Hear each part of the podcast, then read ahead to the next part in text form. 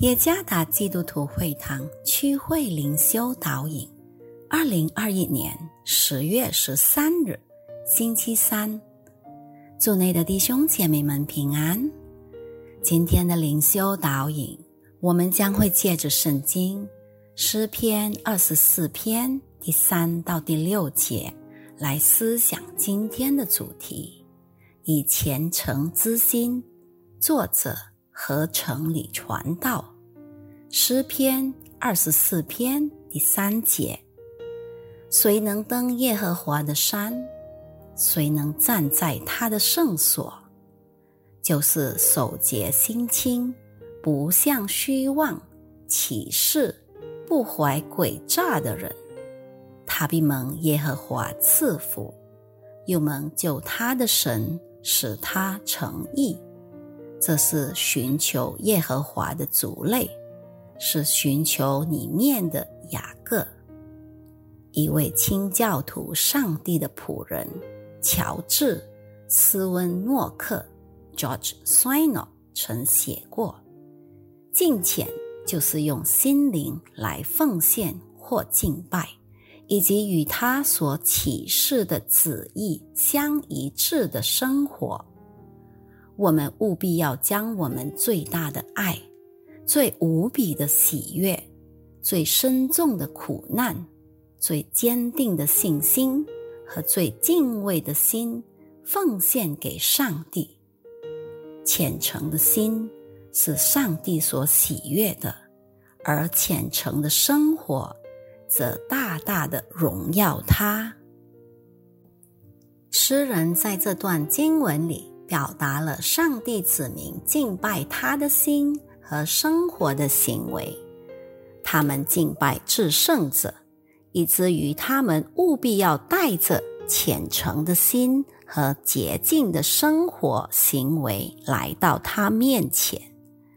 他们就是那些能够登上帝山的。参看第三节上，意思是说。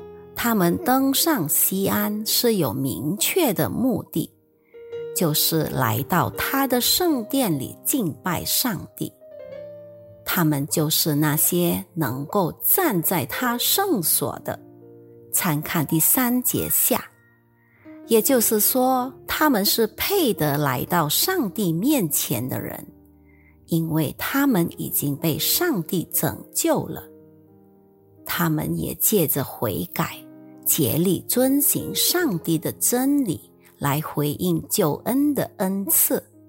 参看第五节，他们的心每天都从罪里得洁净，以及与上帝的真理合而为一。结果，他们的心和生活行为展现出荣耀上帝的虔诚。例如，他们的手是用在与有建设性的事上，则不是在破坏性的事上。参看第四节上，他们的嘴巴不是用来说诡诈的话、起假誓、诽谤等。参看第四节下。除此之外，他们竭力寻求上帝的面。参看第六节。诗篇作者在原意中所使用的“寻求”一词，是来自词根是 bakash 的 “mabash”，可以解释成寻求是为了认识真理和圣洁，因此他们竭力是为了寻求并活出真理及上帝国度的圣洁。因着耶稣基督，上帝使我们配得在任何时间、地点、环境下敬拜他。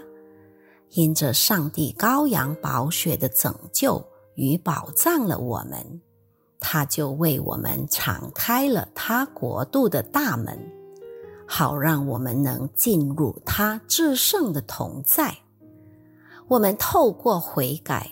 脱去我们救人的生活，来回应上帝救恩的恩赐，在圣灵的引导下，殷勤的遵守他话语的真理，这样我们的心和行为就会彰显出荣耀上帝的敬虔。内住在我们心里的圣灵将会持续引导我们竭力寻求以及活出真理和上帝国度的圣洁。结果，我们的心、思、手、嘴、行为都不再受邪恶的控制，而是受上帝的真理掌控。尽管正面临着许多艰难困苦，包括在当前的大流行期间，我们在耶稣基督里依然竭力虔诚的敬拜上帝。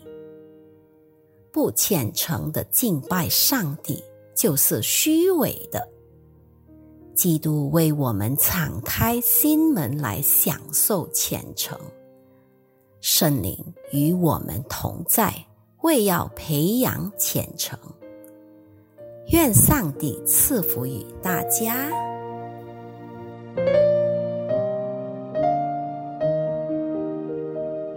you